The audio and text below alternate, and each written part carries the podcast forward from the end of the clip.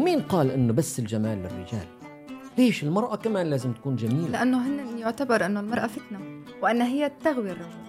أنا ديانا رياض وهذا بودكاست وميت حيث سأومد في أذهانكم كل ظاهرة قد ألفناها حتى خبت وأعتدناها مع أنها تحمل في طياتها الكثير من التداعيات والأسئلة.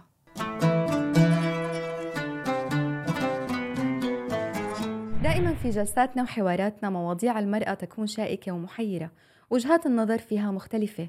وغالبا أنا وصديقاتي لما بنبلش ونطرح هاي المواضيع بنوقف عند نقطة بنلاقي إنه ما بنقدر نحن نجيب عنها. لهيك لازم نرجع لأهل الاختصاص من العلم.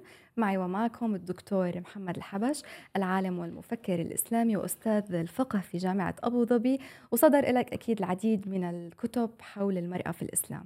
أهلا وسهلا فيك سعيدة جدا باستضافتك. أهلا وعليكم السلام ورحمة الله. أهلا. شكرا كثير للاستضافة آه يعني أنا كلي آذان صاغيه لناقش موضوع المرأة وخصوصا إنه دائما هذا الموضوع محط جدل وخلاف بس بالبداية ليش دائما مواضيع المرأة تبقى مفتوحة ومشرعة والاختلاف فيها كبير والله يعني المرأة يعني دائما كان يقولوا نصف المجتمع بس هي حقيقة بتربي النصف الآخر صحيح.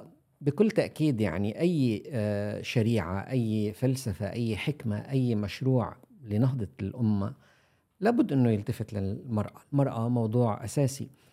وللأسف يعني تاريخيا آه، تعرضت المرأة للاضطهاد وكانت آه، ينظر إلها يعني بشكل أو بآخر بمجتمعات كتير كسلعة أو أداة لم يعني ينظر لها كإنسان كامل. في مراحل كتير متعددة في التاريخ. طبعا نحن كمسلمين لازم نعرف أنه الإسلام كرم المرأة. والإسلام يعني عندنا أول قلب اطمأن بالإسلام هو قلب امرأة. وأول شهيدة في الإسلام هي امرأة. خديجة بنت خويلد كانت يعني في أيام الإسلام الأولى أهم الصحابة بدون منازع. واستطاعت أنه هي تحمل الرسالة وتفهم المقصود حتى الرسول عليه الصلاة والسلام نفسه كان يشعر بالخوف وزملوني ودثروني في حين أنه خديجة كانت قوية وكانت واثقة وأدركت وقالت له هذا يعني هذا وحي من الله. وأخذته إلى ورقة بن نوفل اللي قال له إنه الناموس الذي أنزل على عيسى. يعني خديجة بنت خويلد آه، كانت الحقيقة رمز للمرأة المتمكنة والقادرة. لدرجة أن الرسول عليه الصلاة والسلام حفظ لها هذا الحب والود وعندما فتح مكة الرسول كل الدنيا عم تطلع وين بده يروح الرسول؟ فتحوا له قصورهم بيوتهم ندواتهم ما رضي يروح لعند أحد. صح ضل ماشي إلى قبر خديجة. أكيد الإسلام كرم المرأة ولكن لما بنقعد أو خلينا نقول العامة يقرأوا العديد من الآيات القرآنية أحيانا الرجل أو المرأة بيقولوا إنه المرأة مواطن ثاني أو درجة ثانية والمركزية دائما للرجل. وفي كتير آيات يعني آه، بما يتعلق بالشهادة والميراث. هلا الحقيقة خلينا نحن نكون واضحين. في القرآن الكريم آه، ذكرت السيدة مريم. وخصصت سورة باسم السيدة مريم. وهناك عدد كبير جدا من فقهاء الإسلام من أبرزهم الإمام ابن حزم والإمام ابن حجر حتى والإمام الشاطبي والإمام القرطبي ذهبوا إلى أن مريم كانت نبيا. لأن الله أوحى إليها. يعني أنت لما بتعطي المرأة منصب النبوة وهدول أئمة كبار يعني هدول مش أي إمام في الإسلام. معنى ذلك أنه المرأة لا يجوز أن تصد عن أي كفاءة هي تستطيع أن آه، تملأها. يعني عندما يوافق القرآن على منح رتبة النبوة ويوحي إليها الله وتكلمها الملائكة فمعنى ذلك أنه ما بيصير أنت تصد عن المرأة آه، كفاءة هي أهل لها. لذلك يعني كل المناصب اللي كانت المرأة تستطيع أن تتولاها في التاريخ الإسلامي مثلاً تولد في أيام عمر بن الخطاب تولد الشفاء بنت عمرو منصب قائد عام الشرطة في آه، في المدينة المنورة خلال التاريخ الإسلامي ظهر عندنا نساء آه، كان لهم هذا الحضور. لكن بالطبع خلينا نعترف نحن أنه لم آه، تسري الأمور على هذا السياق. وفي مراحل مختلفة من التاريخ تم تحييد المرأة وتم النظر إليها على أنها يعني جزء مكمل للرجل وليست جزءا مستقلا. هلأ إحنا عندنا شوية نصوص في القرآن الكريم لازم نوقف عندهم شوي. القرآن بيقول بيقول الرجال قوامون على النساء. هذا نص قرآني. لكن هذه القوامة آه، عندما ننظر إليها بنصوص القرآن الكريم هي قوامة الخدمة. هي قوامة بنقول يعني فلان قيم المسجد. إيش يعني قيم المسجد؟ يعني يخدم المسجد. والرجال قوامون على النساء أمامهم مسؤولية يسألهم عنها الله عز وجل آه، تجاه النساء. شو هي هي المسؤولية بالتحديد؟ يعني البعض فهمها تسلط. الحقيقة يعني القوامة هو لون من النظام الاجتماعي رسمه القرآن الكريم بالنسبة للأسر. عندما لا يكون هناك دائما يعني التشريع آه، إنما يتدخل عندما لا يكون هناك اتفاق. الاتفاق سيد الأحكام الصلح سيد الأحكام التراضي سيد الأحكام المسلمون عند شروطهم. لكن لما بيكون ما في آه، اشتراط سابق ما في عقد سابق فالشرع يتدخل بأن المسؤولية تكون على الرجل. هي مسؤولية الإنفاق في الدرجة الأولى. هو قيم الأسرة يعني هو زي ما نقلنا المثال عن قيم المسجد هو المسؤول عن الإنفاق على الأسرة. طيب دكتور ذكرت الإنفاق أنت حاليا ولكن هل هذا بيسري على مجتمعاتنا حاليا؟ المرأة اليوم تشارك الرجل بالإنفاق يعني هي بتروح لسوق العمل وإلى راتبها أحيانا بتشاركه بمصاريف البيت والأسرة. هل تسقط قوامته بهي الحالة؟ الحقيقة هذا المعنى انتبه له الفقهاء من أيام عمر بن الخطاب. عندنا بعد يعني فيما بعد فقيه مهم اسمه ابن عرضون المالكي انتبه لهذه النقطة ورأى أن النساء بالذات يعني كانت تشارك في سوق العمل فطالب باجتهاد جديد وحتى أصبح من آه، يعني الاجتهادات التي اعتمدت في المذهب المالكي فتوى ابن عرضون في أن تستحق المرأة نصف ما يجمع من ثروة منذ أن آه، يعني تم آه، العقد بين المرأة والرجل. وهذا الأمر نفسه آه، عمر بن الخطاب رضي الله عنه كان عنده امرأة صناع. يعني شكت له أنها شاركت في ثروة زوجها فقضى لها عمر بن الخطاب بالنصف. يعني هذا الشيء اللي نحن بنقول هو هو قانون أوروبا ولا أمريكا. صحيح. ما نحن وصلنا له لما كانت المرأة عم تشتغل هلأ حتى عندنا بس ما سائد بمجتمعاتنا ولا يعترف فيه. للأسف آه، القانون القانون يستطيع أن يذهب إلى هناك لكن نحن نحتاج إلى جرأة وشجاعة. هلأ الفقهاء الأحناف في العصر العثماني انتبهوا للمرأة اللي عم تشتغل مثلا في الحقول. فراحوا ابتكروا نظام إنه هذه المرأة عم تشتغل بالحقل لكن كل المال للرجل. بيموت الرجل يقسم للذكر مثل حظ الأنثيين. فهم ابتكروا نظام اسمه الأراضي الأميرية. هذا نظام فقهي. هلا بيجي بيقول لك إن بدك أنت على الشرع ولا على القانون؟ لك ما هذا شرع كمان. هدول فقهاء كبار. راحوا ابتكروا نظام الأرض الأميرية. إيش يعني الأرض الأميرية؟ يعني آه قال هذه الأرض باعتبار إنه هي أرض عم تنتج آه يعود العائد فيها بالتساوي بين الرجل والمرأة. حتى يطلعوا من القصة ال ال يعني من الحرج في الشريعة. قالوا هي أرض للأمير وهو يعيد آه هبتها للأسرة. للذكر مثل الأنثى. وتوزع الآن الأراضي الأميرية للذكر مثل الأنثى واللي عم يسأل أنه بدك الشرع ولا القانون؟ هذا شرع. هذا شرع أيضا. هدول فقهاء أحناف وعندهم وعي تماما بشيء اسمه الاستحسان اللي هو جوهر مقاصد الشريعة. يعني اليوم نحن عندما نتصور أنه عندنا فقه إسلامي جاهز لازم نطبقه هون نحن بنكون غلطانين تمام. لا بنكون نحن على فقه أبي حنيفة اللي هو رجل الاستحسان ولا على فقه الإمام مالك اللي هو رجل الاستصلاح. كلهم كانوا ينظرون إلى مصلحة الأمة ومصلحة المجتمع. بإمكاننا نحن كفقهاء أن نتخير للناس ما يناسبهم. ولو كان هذا الاجتهاد في كثير من الأحيان بدأ أنه هو مواجه للنص. لكن في الحقيقة أدوات الشريعة قواعد العقل الأربعون اللي حطوها الفقهاء تمنحهم الحق حتى في الاجتهاد في مورد النص إذا كان في مصلحة للأمة. الإمام الطوفي قال مصلحة الأمة مقدمة حتى على النص لأنه نحن بدنا الإسلام جاء من أجل تحقيق مصالح الناس. إذا تحقق إنه هذه مصلحة للناس يجب أن نلتفت إليها في الشريعة. فأنا برجع لموضوع المرأة. المرأة عندي في القرآن الكريم ممكن أن تبلغ رتبة النبوة. المرأة في السيرة هل يمكن النبوية ان تبلغ يعني بما يتعلق بالقيادة بيقولوا أن المرأة لا تستطيع أن تقود لأنها ناقصة عقل ودين بناء على ما جاء في الحديث النبوي الشريف. حديث ناقصات عقل ودين. الحقيقة حديث يتناقض تماما مع القرآن الكريم. القرآن يقول والمؤمنون والمؤمنات بعضهم أولياء بعض. يعني شوفي حتى هذه الرتبة رتبة مين ولي الثاني الرجل ولي المرأة ولا المرأة ولية الرجل؟ القرآن بيقول لك هم في رتبة واحدة أو بعضهم أولياء بعض. جاءت أسماء بنت يزيد بن السكن وقفت أمام الرسول قالت يا رسول الله ما لي أرى الرجال يذكرون في القرآن والنساء لا يذكرن في القرآن؟ ليش دائما يا أيها الذين آمنوا؟ ما تجيب لنا آية يا آيتها اللاتي آمنا. فأنزل الله قرآنا يتلى إن المؤمنين والمؤمنات والمسلمين والمسلمات والقانتين والقانتات والخاشعين والخاشعات والصادقين والصادقات والصابرين والصابرات إلى آخر الآية. حديث ناقصات عقل ودين. أنا شخصيا كتبت في نقد هذا الحديث لأنني أعتبره حديثا شاذا. ما هو الحديث الشاذ؟ الحديث الشاذ هو حديث صحيح الإسناد. يعني عنده سند صحيح. صحيح. بس يخالف ما هو أقوى منه. طيب القرآن عم يقول والمؤمنون والمؤمنات بعضهم أولياء بعض. إذا كان طيب ناقصة طيب المخ... أنت عقل هون مين بتتهم في المخالفة يعني؟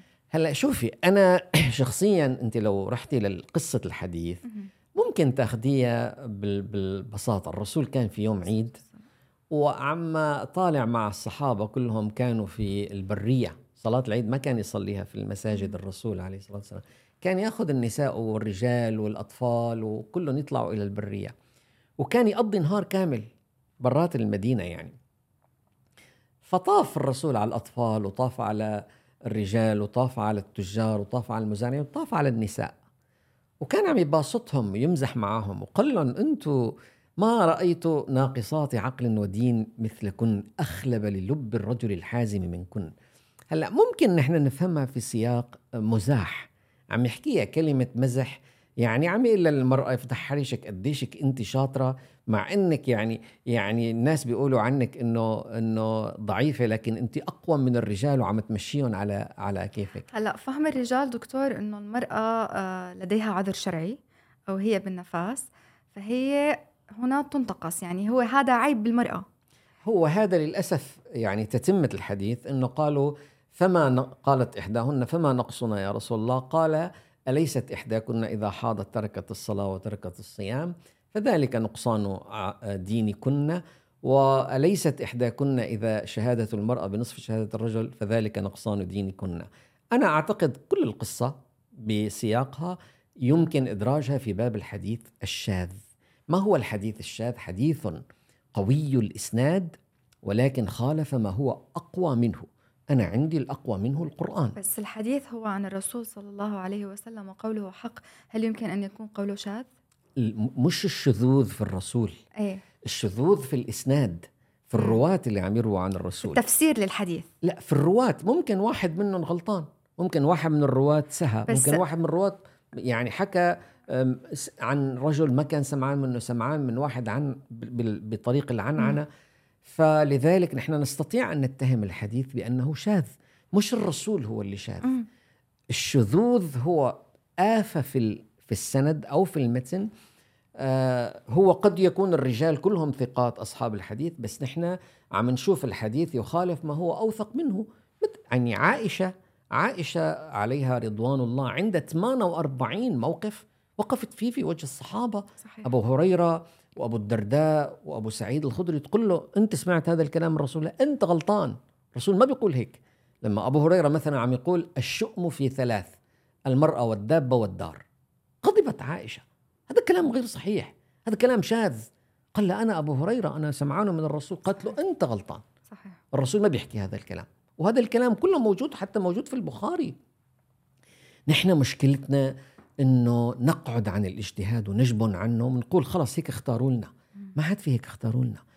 قضايا المرأة أصبحت قضايا يعني المرأة إما أن تفقد الثقة بهذا الإسلام كله وتروح تختار طريق آخر أو نحن نقدم لها آه، يعني اجتهادات الفقهاء المستنيرين اللي استطاعوا يطالعونا من هذه العقد. أنا بالنسبة لي يعني أنا أذكر يعني أحد العلماء جاب حديث ناقصات عقل ودين وقال كان رسول الله يمازح النساء به. احكي على سبيل المزاح. طيب ماشي ممكن نقبله بهذا بهذه الصيغة. لكن تتمة الحديث لما يقل أنه نقص دينك لأنك ما عم تصلي كل الاوقات ونقص عقلك لأنه شو بقى أنت اللي عم تقول إنه هيك. فلذلك أنا أفضل الذهاب إلى القول بشذوذ هذا الحديث وإن كان رواته ثقات لكنهم بشر. ممكن البخاري نفسه يكون يا أخي سهى. ممكن أي راوي من الرواة يكون سهى أو يكون آه، اختلط عليه أو يكون نسب كلام رجل إلى كلام الرسول. ممكن يحصل هذا الشيء. ليس الشذوذ في الرسول ولكن الشذوذ في الروايه آه ابن عثيمين قرأت له علامة كبير آه إنه الرجل مفضل على المرأة في العقل والدين والخلق. هلأ لا فيما يتعلق بهذا الحديث. أنا مالي ما ماني قادر يعني أنكر شو عنا نحن بتراثنا. إحنا بتراثنا عنا عجائب أنا ما بحسن دافع عن كل شيء موجود في التراث أو التمس له هدول إخواننا الله يبارك فيهم إخواننا الحنابلة في السعودية. من بداية الحركة الوهابية اختاروا موقف متشدد. المذهب الحنبلي أصلا في الإسلام كله لم يطبق. يعني كل التاريخ الإسلامي كان تطبق مذاهب مرنة. مذهب الحنفي مذهب المالكي المذهب الشافعي طبقوا. المذهب الحنبلي ما طبق بالتاريخ. ظل موجود في الكتب. الإخواننا في الحركة الوهابية نزلوا المذهب الحنبلي وبدأوا يطبقوه. حتى نحن شو بنقول؟ لا تاخذ حنبلية. صحيح. شو يعني حنبلي يعني, يعني فعلا يعني موقف متشدد. في تشدد. مع إنه الحنبلي المذهب الحنبلي جيد في المعاملات كثير في عنده مرونة لكن في قضايا النساء متشدد جدا. وإخواننا في السعودية يعني بتعرفي انت حرموا على المرأة حتى حرموا عليها ركوب السيارة وقيادة السيارة. وأوجبوا عليها النقاب وأوجبوا ومنعوا من خروجها. فالشيخ الغزالي بيقول سمعت أحد الشيوخ عم يخطب بيقول رحم الله زمانا كانت المرأة لا تخرج من بيتها إلا مرتين. مرة من بيت أهلها إلى بيت الزوج ومرة من بيت الزوج إلى القبر. فقال الغزالي كاتب في مقدمة كتابه تحرير المرأة في عصر رساله للشيخ أبو شهبة قال لا رحم الله هذا الزمان. هذا زمان جاهلية. هذا مش زمان الإسلام.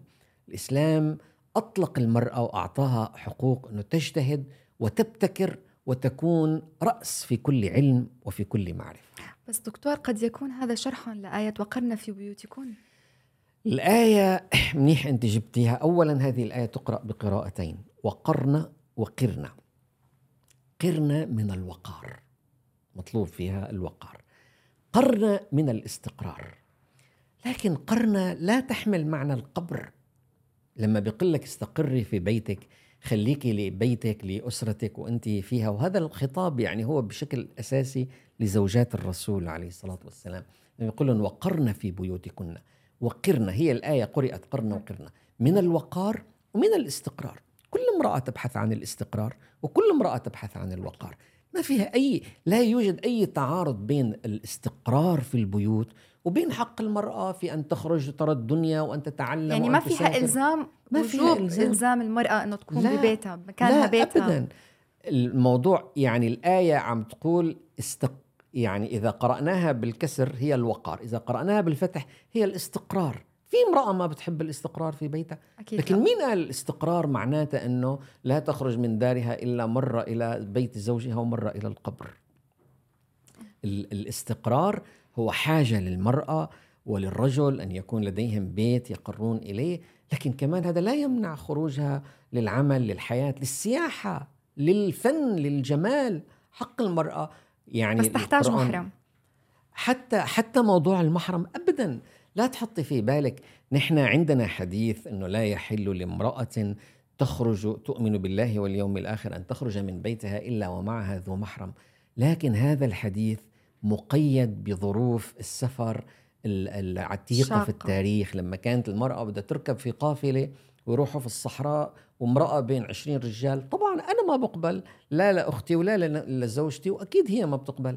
لكن من من عصر الراشدين بيقول الإمام مالك بيقول القوافل العظيمة تقوم مقام المحرم. هذا من الإمام الباجي في المنطقة ينقل عن الإمام مالك يعني نحن لساتنا في القرن الأول. قال خلاص إذا كانت القافلة عظيمة في في عدد كبير من الناس موجود نساء وموجود رجال تخرج يا أخي بلا محرم. ما في داعي ما في حرج في ذلك. يعني نحن قيدنا المرأة ما بتخرج إلا بمحرم فمنعناها من العلم منعناها من العمل. منعناها من الحياة إنه من حق المرأة من حق المرأة إنه إنه تشارك في هذه الحياة بسياحتها بجمالها بأناقتها. فمن القرن الأول هناك فقهاء استطاعوا أنه يتجاوزوا ظاهر النص وقالوا مش المقصود ظاهر النص. هذا عن حالات مخصصة إذا كان بدها تركب في صحراء في في سفر ما في معها آه، صحبة ما في رفقة. أما اليوم عم تطلع البنت إلى السفر في الطائرات في نظم الإيات الضامنة بتنتقل من بلد إلى بلد. هناك من بكل مكان صار موجود التواصل فلا يمكن على الإطلاق أن نتوقف عند هذه الأحكام القديمة لأنه فقهاءنا وأئمتنا سبقونا في عصر الوعي الإسلامي. ظهرت كل هذه الفتاوى التي تحرر المرأة من هذه القيود اللي هلأ في مين عم يطالبنا أنه نرجع عليها و... طيب دكتور هذا الصراع اللي بين المرأة والرجل دائما أنا المواضيع المطروحة بحس في علاقة تنافسية أو في علاقة تضاد يعني حرب. هل السبب الفهم الخاطئ للدين؟ الحقيقة يعني يمكن أنا ما بشاركك الرأي أنا ما بشوفها هي مسألة يعني ذكورية و... لأنه أنا رأيت يعني آه، آه، أجيال من النساء أكثر تشددا في قضايا المرأة من الرجال. يعني لما نقول إنه والله بيقولوا لك فقه ذكوري. طيب ما أحيانا نحن عم نشوف الآن في مجموعات نسائية أكثر تشددا من الرجال وعندهم تشدد للمرأة وامتهان لها ومنع لها من حقوقها صحيح. ومنعها من من يمكن دكتور لأنه هي يعني در يعني تم تدريسها على أيدي كبار المشايخ فهي ما كان عندها الليونة بإنها تختار لها أو يمكن مصادرة حق الخطاب فإلها فهي عم بتعيد ما سمعت. أنا الحقيقة يعني بكل المعايير أنا ما مالي شايفها معركة آه، ذكورية إناثية. أنا شفت رجال كتير فقهاء أكثر تسامحا وتنورا من آه، نساء. يمكن نساء آه، أحيانا داعيات وأحيانا مش داعيات بس عندهم تشدد. التشدد طبع بالإنسان. في في رجال متشددين وفي نساء متشددين. وأنا لا أرى أنه المسألة صنعها فقه ذكوري لكن أنا أرى فعلا أنه في حالة من الوهن بتستسلم لها النساء وبيستسلم لها كثير من الرجال آه، تطالب المرأة بأن تخرج وأن لأن المرأة فتنة ولأن المرأة لعنة ولأن المرأة. أنا كل هذا أطالب بإعادة دراسته في الشريعة. يعني أحاديث لعن المرأة بالذات. هذه الأحاديث لا تقبل. هذه أحاديث إذا بدنا ندرسها في علم المصطلح هذه أحاديث شاذة. ولو كان رواها ثقات. يعني ليش المرأة مثلا آه، لعن الله النامصة والمتنمصة لعن الله الواصلة والمستوصلة لعن الله المنمصة المتنمصات للحزن المتفلجة في أسنانها لعن الله المرأة إذا لم آه، يعني تقبل دعوة زوجها باتت الملائكة تلعنها حتى تصبح. يا زلمة شو هذا اللعن؟ ليش ما في لعن للرجال مثله؟ هذا كلام غير مقبول وهذا موقف موقف منحاز ضد النساء. وهذه الأحاديث ولو وردت في كتب برواية رواة ثقات لكن لها حكم الحديث الشاذ. نحن عندنا قواعد قواعد علم المصطلح مش أنا حطيتها. فقهانا أئمتنا حطوها في علم المصطلح. الحديث الشاذ إذا خالف ما هو أوثق منه يرد. بعدين الحديث الشاذ إذا رتب عقوبة شديدة على ذنب صغير أو رتب ثوابا كبيرا على حسنة صغيرة فهذه أمارة الوضع وأمارة الضعف. فأنت عم تلعن النامصة. ما سمعنا لعن النامص. اليوم هذا كل حلق اللحية هذا كله نمص كل الناس اللي عم تحلق لحيتها. هل نلعن كل المسلمين؟ ليش عم بلعن امرأة إذا كانت تريد أن تبدو جميلة؟ مين اللي نصب الرجل أو نصب المرأة أن تلعن المرأة إذا ظهرت جميلة؟ الرسول قال قال له رجل يا رسول الله أحدنا يحب أن يكون ثوبه جميلا مظهره جميلا دابته جميلة. قال إن الله جميل يحب الجمال. ومين قال إنه بس الجمال للرجال؟ ليش المرأة كمان لازم تكون جميلة؟ لأنه هن يعتبر أنه المرأة فتنة وأن هي تغوي الرجل. القرآن أمر بغض البصر للرجال وللنساء. في آية اسمها وقل للمؤمنين يغضوا من أبصارهم وفي آية اسمها وقل للمؤمنات يغضضن من أبصارهن. إذا كان بدي أطبق هذا الشيء الحنبلي اللي أخذونا عليه إنه المرأة ما بتطلع من الخمار الأسود فوق لتحت عن شو بدي غض بصري؟ قل غض بصري. ليش القرآن عم يقول غض بصرك؟ عم يقول غض بصرك لأنه مليان المجتمع مثل ما كان في عهد النبوة. المرأة الزهراء والمرأة السعفاء والمرأة الحمراء والمرأة الحولاء. كل كل النساء معروفات كان كل وحدة معروف بما فيها من الحسن. يعني سكينة بنت الحسين حفيدة الرسول عليه الصلاة والسلام. كانت يعني كان لها آه، آه، مجلس في آه، المدينة المنورة كان يغشاها الشعراء يغشاها الأمراء. كانت معروفة بالطرة السكينية. إيش الطرة السكينية؟ تصريحة شعر. تصريحة كانت تظهر فيها جمالها. مشهورة اكتبي الطرة السكينية بكتب التاريخ كلها موجودة. ابن خلكان وهو من أوثق المؤرخين بيحدثنا عن هؤلاء.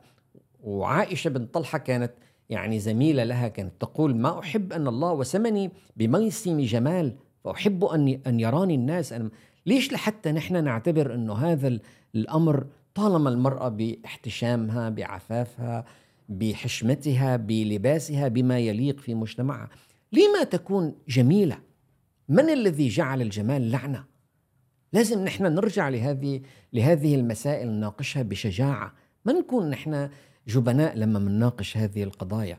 لدينا يعني في حياة الرسول عليه الصلاة والسلام كان الفضل بن العباس آه، كان قد أردف الفضل بن العباس خلفه. أنا عم جيب لك حديث من البخاري. فجاءت امرأة وضيئة شديدة الحسن فجعل العباس ينظر إليها. الفضل ابن العباس صار يطلع هيك. فانتبه النبي عليه الصلاة والسلام. حط له إيده هيك قال له الشك من فجعل ينظر إليها من الشق الآخر. هو عم يطلع أنه فتاة جميلة جدا. طيب لا قال له الرسول أنت ملعونة وأنت ملعون وروح أنت على جهنم وأنت على جهنم. شيء طبيعي أن يميل الرجل للمرأة أن تكون المرأة محل. في امرأة ما تحب أن تذكر بأن الله أعطاها شيء من الجمال. ما أدري لماذا يعني تم تحريم ما أحل الله. من حرم زينة الله؟ التي أخرج لعباده والطيبات من الرزق. لكل حديث أنا عارف أنه ما في دليل إلا له دليل مقابل لكن الأدلة متساوية. يعني في أدلة شديدة في في افتراض الخمار والنقاب على المرأة. وفي أدلة على حق المرأة في أن تظهر كما تشاء. فقهاء كبار الإمام أبو حنيفة بيقول لك الإمام أبو يوسف بيقول لك شعر المرأة المسترسل ليس بعورة.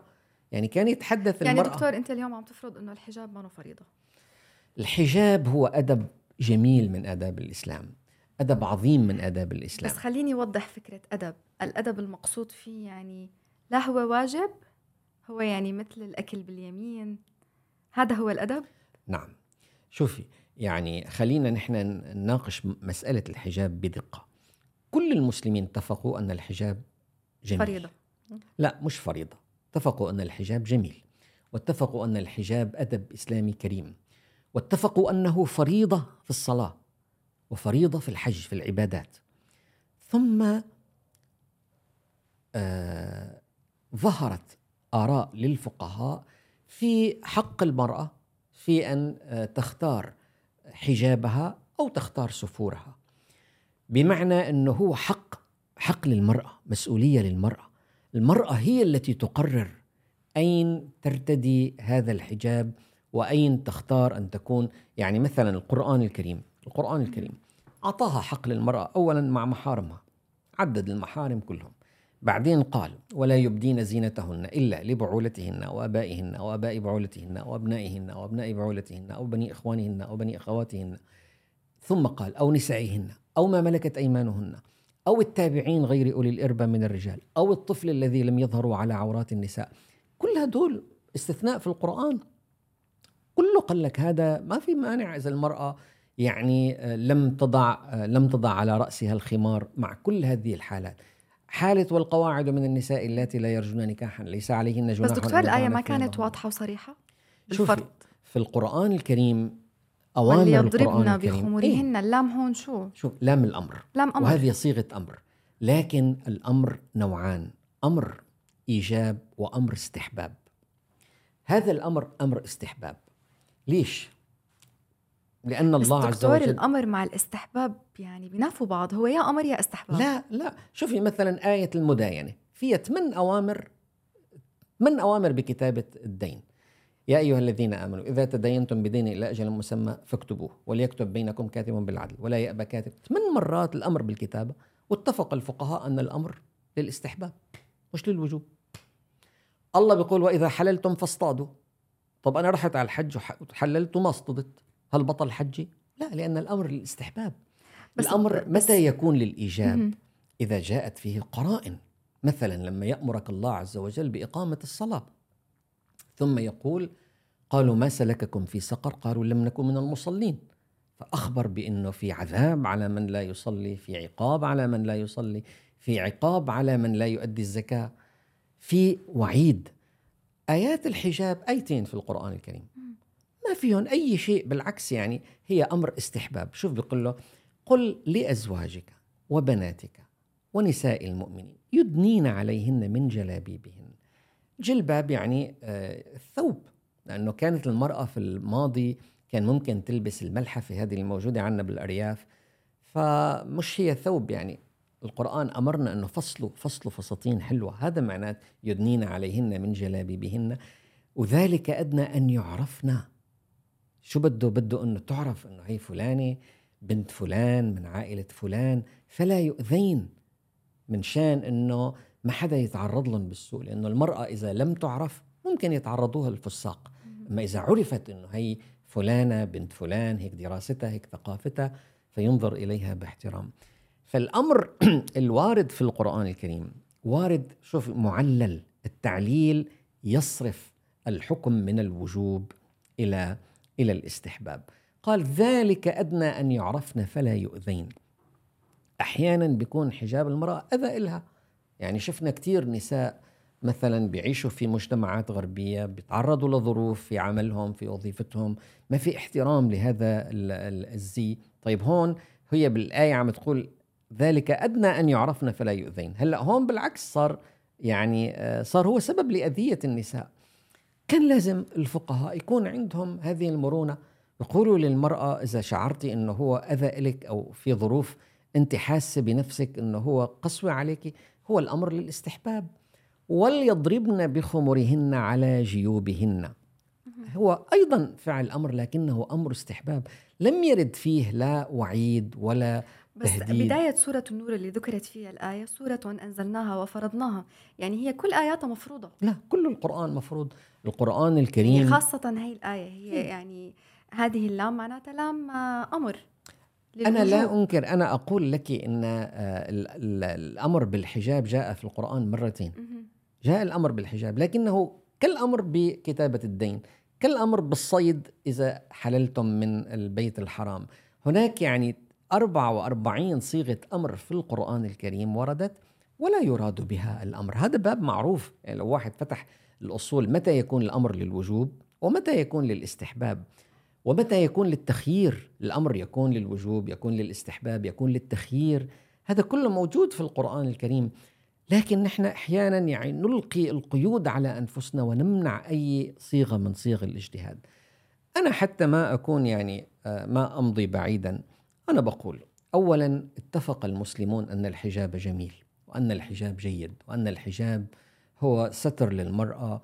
واحيانا يكون واجب أحيانا المرأة تشعر بأنه هي إذا ما وضعت الحجاب ستتعرض للفساق ستتعرض للمؤذيين من الناس فالحجاب عصمة لها الحجاب بيساعدها. نحن نحب يعني لنسائنا الحجاب لكن بنفس الوقت يعني لازم ما نسلبها حقها في الاختيار. المرأة هي المسؤولة مش أنا المسؤول إلا شو تلبس هي المسؤولة. ومش بمعنى المسؤولة أنه يا يعني إذا ما اختارت اللباس المناسب حتروح على جهنم. لا هي يعني مدعوة أن آه، الاحتشام مدعوة إلى العفاف الاجتماعي مدعوة إلى أن تكون آه، شامة في الناس بأخلاقها وأدبها واحترامها. لكن في الوقت نفسه ليس من حق أحد أن يفرض على النساء ثوبا يتجاوز آه، يعني يتجاوز ما ما هو حاجة لها حقيقة. يعني ما أدري لماذا يجب أن يقام الرجال أولياء وأنصباء على النساء فيما يختارون. الرجل نفسه بيلبس ما يشاء، يعني أنا لا أقبل مثلا الفقه الإسلامي التقليدي اللي مثلا بيقول لك إنه الرجل عورته السوأتين أنا لا أقبل هذا. هذا يعني تفريط بالشريعة. ليش لحتى تكون عورته السوأتين هو أيضا يثير صدره يثير فخذه تثير مثل المرأة من حقنا نحن. أنا أتعجب يعني كيف قبلنا بالفقه مثلا إنه نذهب إلى أن المرأة الجارية شو ما بدها تلبس الجارية عورتها السوأتان وبتمشي لي باللي بدها إياه ولا حدا بيعترض. بينما إذا المرأة المسلمة الأنيقة العفيفة الطاهرة اختارت أن تعيش مثل الناس وأن تدخل حياة العامة وهي في آه، احتشامها وهي في عفافها. هي تنتقد والجارية لا تنتقد. أنا شخصيا لا أحترم أي فقه يأذن للجارية بأن تكون آه، يعني بنت ليل وبنت هوى وبنفس الوقت يعني ألقي كل شروط القيود على المرأة المسلمة. أمنعها من العمل أمنعها من الحياة أمنعها لما فرضوا النقاب على النساء. طيب أنت منعتها من العمل منعتها من الحياة ده حرام. هذا الآن لا زال واقع موجود في أفغانستان موجود في اليمن. طيب هل يا ترى كل بلاد العالم الإسلامي لم تفهم مراد الله إلا إخواننا في طالبان أو إخواننا في المذهب الحنبلي؟ الشريعة يسر. هذا اليسر يا ديانا يعني اللي كانوا هلا بيقول لك مسلم cute. انت مسلم cute هذا. هاي الكلمة بالأصل إلها مصطلح قرآني. القران بيقول يريد الله بكم اليسر ولا يريد بكم العسر. القرآن بيقول يريد الله أن يخفف عنكم. ويريد الذين يتبعون الشهوات أن تميلوا ميلا عظيما. الدين قائم على اليسر. إن هذا الدين يسر ولن يشاد الدين أحد إلا غلبه. هذه الفكرة أنه قد ما حسنت تشدد على الناس فبتاخذ ثقتهم كانوا فعلا يتقربون إلى الحكام بالتحليل ويتقربون إلى العامة بالتحريم. الناس بيعجبهم تقول لهم هذا حرام هذا حرام هذا حرام. يقولوا هذا الشيخ ورع. التشدد يحسنه كل أحد.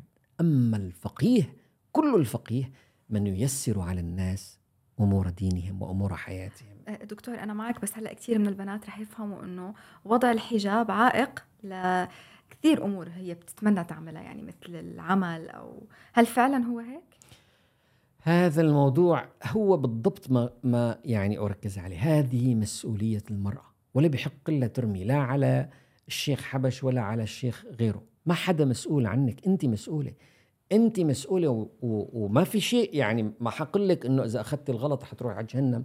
ما في جهنم في موضوع اللباس. هذا موضوع ثانوي جدا في الإسلام. الموضوع الأساسي هو آه، يعني أن تعملي الخير للناس. الموضوع الأساسي تكوني في الأخلاق في الأمانة في الصدق في الاستقامة في آه، الثقة بالناس. الناس يثقون فيك. هذه القضايا الأساسية هي القضايا الأخلاقية. أما قضايا الزي يعني أنا بصراحة بدون أي مجاملة أنا رأيت أن الحجاب للمرأة كاللحية للرجل. هلا اللحية ما وردت فيها أوامر من الرسول عليه الصلاة والسلام. أوامر واضحة. بمنع حلق اللحية ولكن الفقهاء قالوا هو أمر استحباب. لذلك شيء عادي بتلاقي شيوخ وأساتذة وأزهر وبيطلعوا حتى بالتلفزيون بيطلعوا عم يتحدث ومتشدد بيكون ومع ذلك ما له لحية حالق لحيته كلها. طب هذا وفق الأحاديث التي أمرت بإعفاء اللحية مش حديث النبي عليه الصلاة والسلام أعفوا اللحية وحفوا الشارب. هذا أمر لكنه شلون صار مع المسلمين إنه هذا أمر استحباب؟ طيب دائما تصور السيدة مريم على أنها هي لابسة الحجاب. يعني حتى ما هو حجاب مرتبط بالدين الإسلامي هو أشمل لكل الديانات. يعني حتى القساوسة حتى اليهود بما يعني بالنساء دائما هم بيلبسوا يعني. فهل يعقل إنه الدين عند الله هو الإسلام؟ فإنه يكون الدين أشمل؟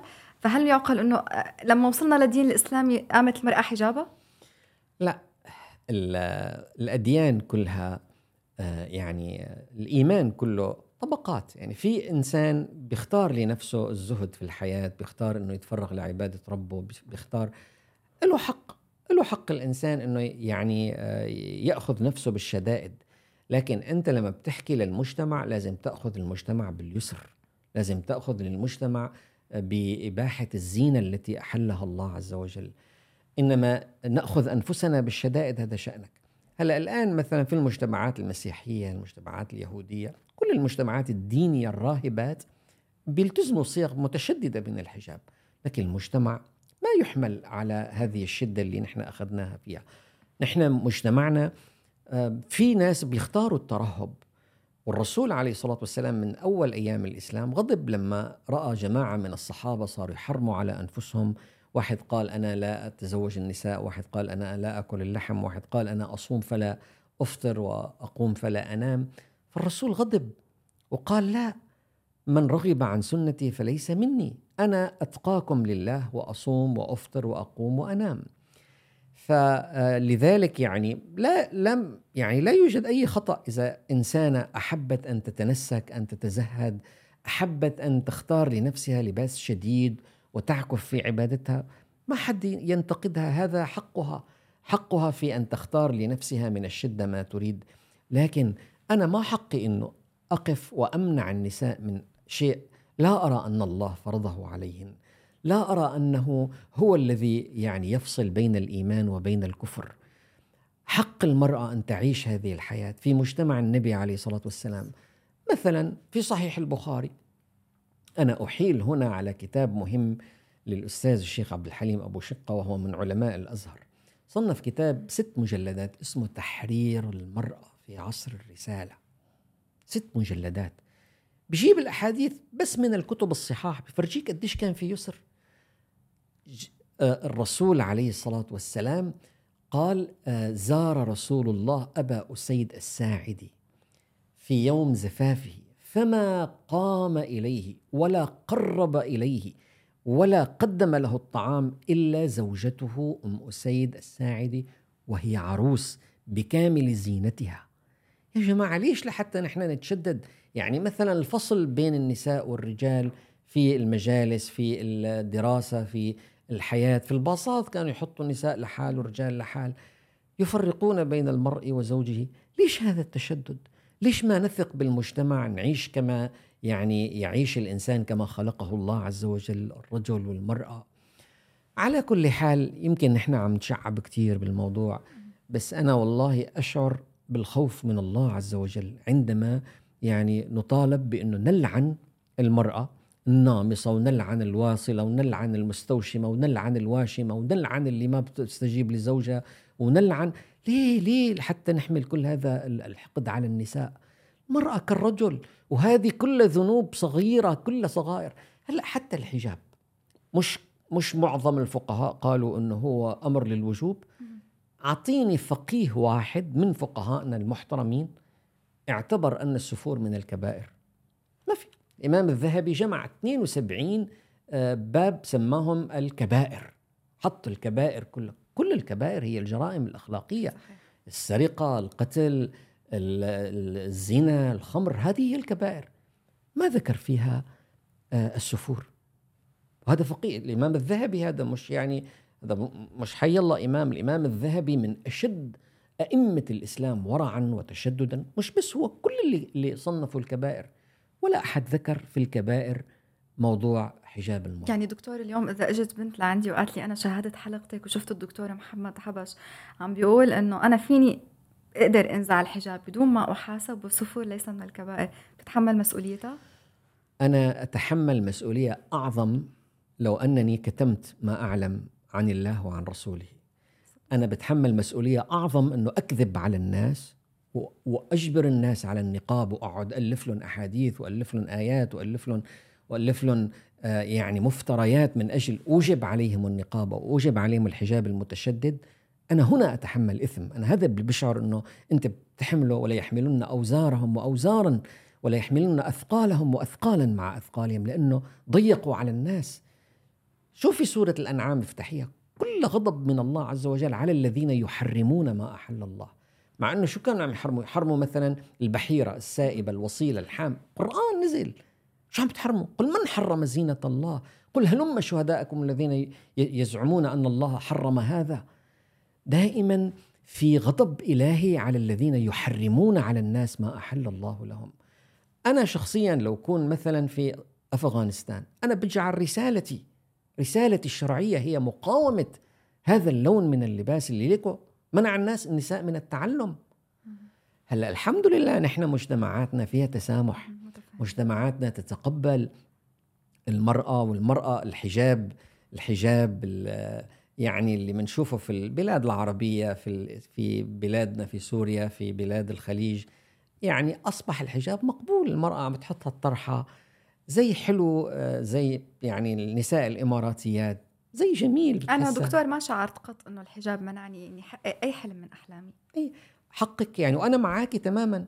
يعني لكن أرجو إنه ما تحسي دائما به يعني أرجو إنه ما تنحطي بموقف آه، تشعري فيه بنفسك. كثير من نسائنا اللي عاشوا في بلاد آه، يعني تؤذى فيها المرأة بسبب حجابها ما بقى أنا ما بقول لها إنه اتركي العمل واتركي هذه البلاد وانصرفي لا أنا بقول لها بكل يعني ذات مرة خليني أحكي لك يعني تجربة نحن عندنا.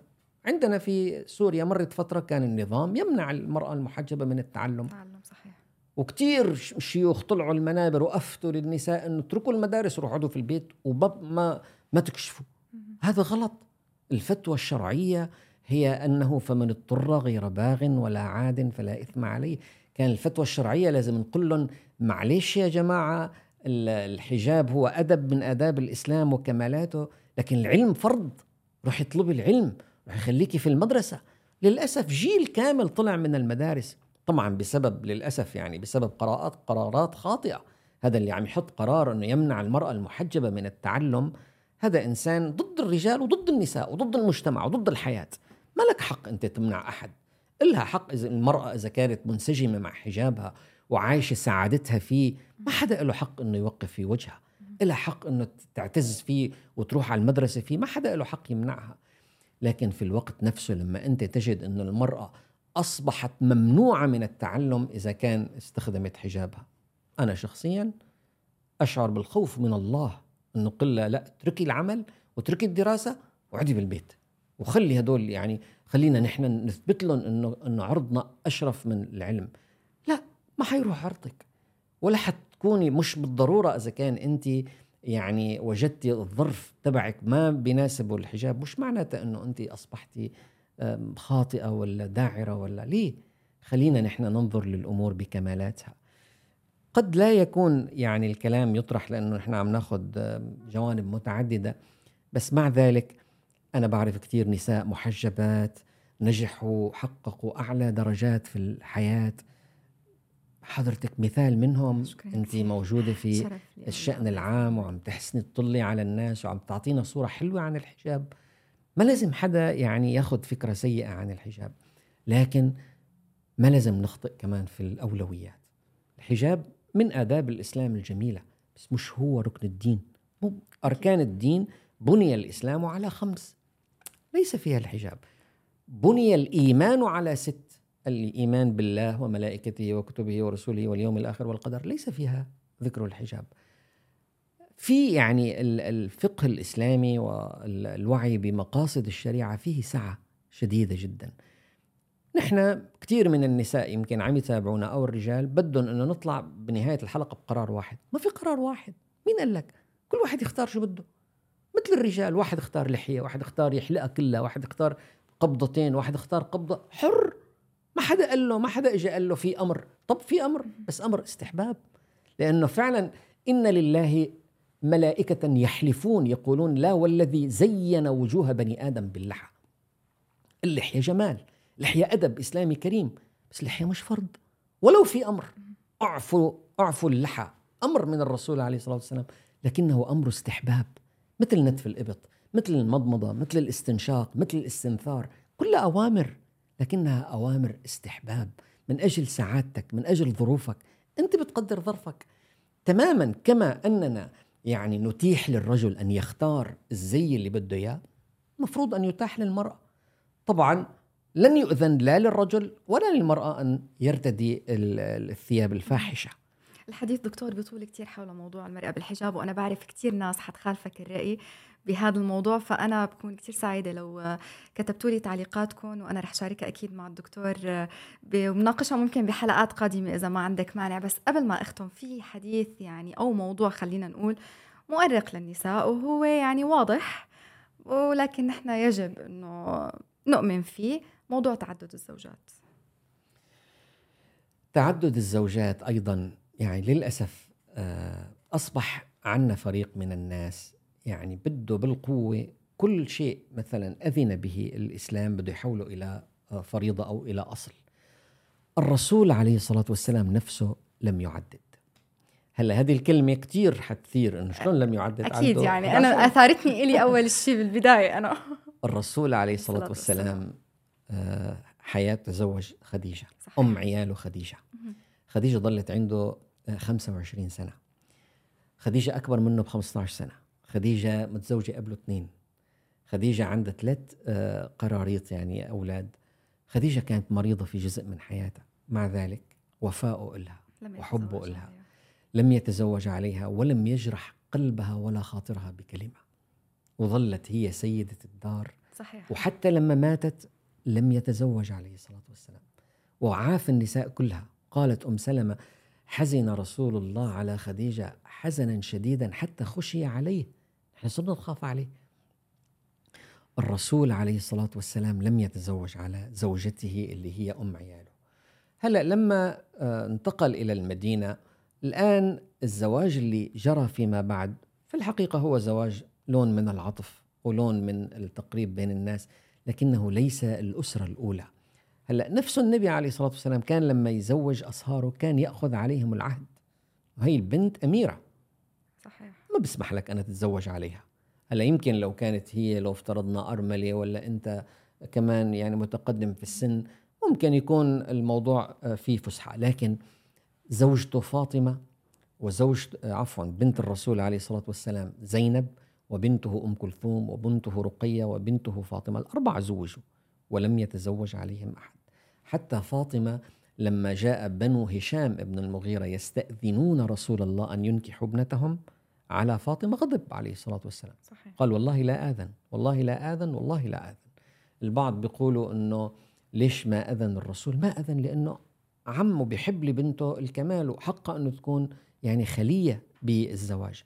هلأ أنا ما بدي أحكي كثير بس نحن عندنا في الشرع حق للمرأة أن تكتب في عقدها أنني لا أقبل الضرائر. هذا حقها. وبالمناسبه هذا الحق أكثر من اعترف فيه هو الحنابلة. يعني المذهب الحنبلي اللي هو متشدد لأنه حديث للنبي عليه الصلاة والسلام النبي بيقول بيقول عليه الصلاة والسلام آه، إن أحق ما وفيتم به من الشروط ما استحللتم به النساء. فمن حق المرأة في عقد الزواج أن تقول أنا ما بدي ضر ما بقبل. وبتفرض غرامات على الرجل أو بتفرض عقوبة على الرجل أو بتفرض أنه تملك أمرها على الرجل. إذا آه، يعني يعني راسها تصير بإيدها؟ ممكن ممكن حقها. بل نحن طالبنا وأنا شخصيا في في البرلمان السوري قدمت مشروع إصلاح وثيقة الزواج. وثيقة الزواج أن يكتب فيها أن يكتب في وثيقة الزواج حقوق المرأة كلها ومن جملتها أن يكون حقها في أن تشترط عدم وجود الضرائر. طيب دكتور هو بي يعني الفهم للتعدد إنه فانكحوا ما طاب لكم من النساء مثنى وثلاث ورباع ما له أي شروط؟ ولا هو طبعا يعني شرطه واضح يعني شرطه بنفس الآية فإن خفتم ألا تعدلوا فواحدة. وبنفس السورة جاء قوله تعالى ولن تستطيعوا أن تعدلوا بين النساء ولو حرصتم فلا تميلوا كل الميل. نحن لا نستطيع أن نغلق باب التعدد. لكن أنا يعني بشدة ضد كل من يعتبر أن التعدد هو الأصل والزوجة الواحدة هو استثناء. الأصل هو الزوجة الواحدة. ويجب أن تفرض قيود شديدة على التعدد بحيث لا يذهب إلى التعدد إلا الإنسان اللي بيكون في حالة من الاضطرار حتى إنه الزوجة نفسها هي هلا شرط من شروط صحة آه، الزواج الثاني أن أن آه، تقر الأولى أن تقبل الأولى. هذا للأسف الأنظمة القوانين الأحوال الشخصية في البلاد العربية عادة بيحطوا آه، إبلاغ الزوجة الأولى. وهذا شيء جيد يعني يعتبر أنه جزء مهم وشرط مهم لعقد لكن كله عم يتم التحايل عليه. نحن بحاجة لقوانين في الأحوال الشخصية تتطور وتمنح المرأة هذا الحق وتمنحها الممكنات بحيث لما الرجل بده يلعب بديله ولا بده يروح يشوف الهوى ويترك أسرته وأولاده وبناته ويفتح باب لحتى يعني نحن شو بنعرف؟ شو بيعرفوا الناس عن الزواج الثاني؟ دائما بحط إيده بإيد هالزوجة بيبنوا حياتهم سوا بس يشم ريحة ربه ببلش بده يحقق السنة. ومنين ببلش؟ من السكرتيرة. من هونيك بشوف إنه السنة بدي يطبق السنة. مش هذا هو التعدد اللي يعني حتى تعدد الرسول عليه الصلاة والسلام شوفهم اللي عددهم كلهم كانوا أرامل كانوا مطلقات. حتى كله كان بعد النبي عليه الصلاة والسلام بعد ما تجاوز الخامسة والخمسين. أما زوجته أم عياله فما جرحها بحرف وبقيت أميرة قلبه إلى أن رحلت من الدنيا. وحتى لو كان كل ذلك موجود في الماضي هذا لا يلزمنا. نحن نملك أن نحط قوانين فيها عدالة وفيها إنصاف. والرسول أعطى المرأة هذا الحق إن أحق ما وفيتم به من الشروط ما استحللتم به النساء. هي قضايا النساء كثيرة أنا عارف يعني نحن يمكن يعني تناولنا قضايا كثير حساسة بالنسبة للنساء. بس والله يا أخت ديانا يعني أنا شخصيا أشعر بالخوف من الله.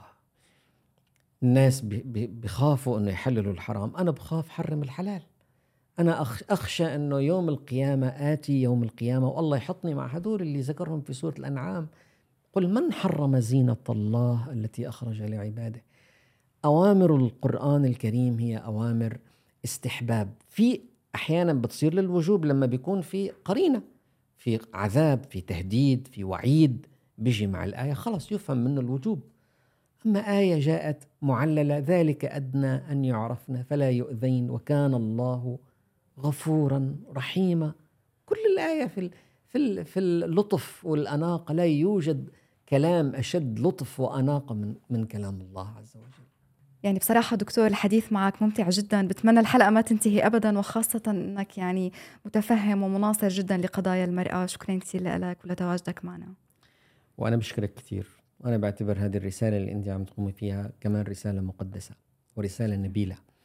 نحن يعني آه، نريد للمرأة أن تكون في أتم حال من العفاف والاحتشام والأدب والخوف من الله لكن هذا كله لا يتناقض ابدا مع حق المرأة أن تكون جميلة مع حق المرأة أن تعيش حياتها كما تحب ومع مسؤوليتها أن تختار لباسها كما يختار الرجال لحيتهم كما يختارون زيهم.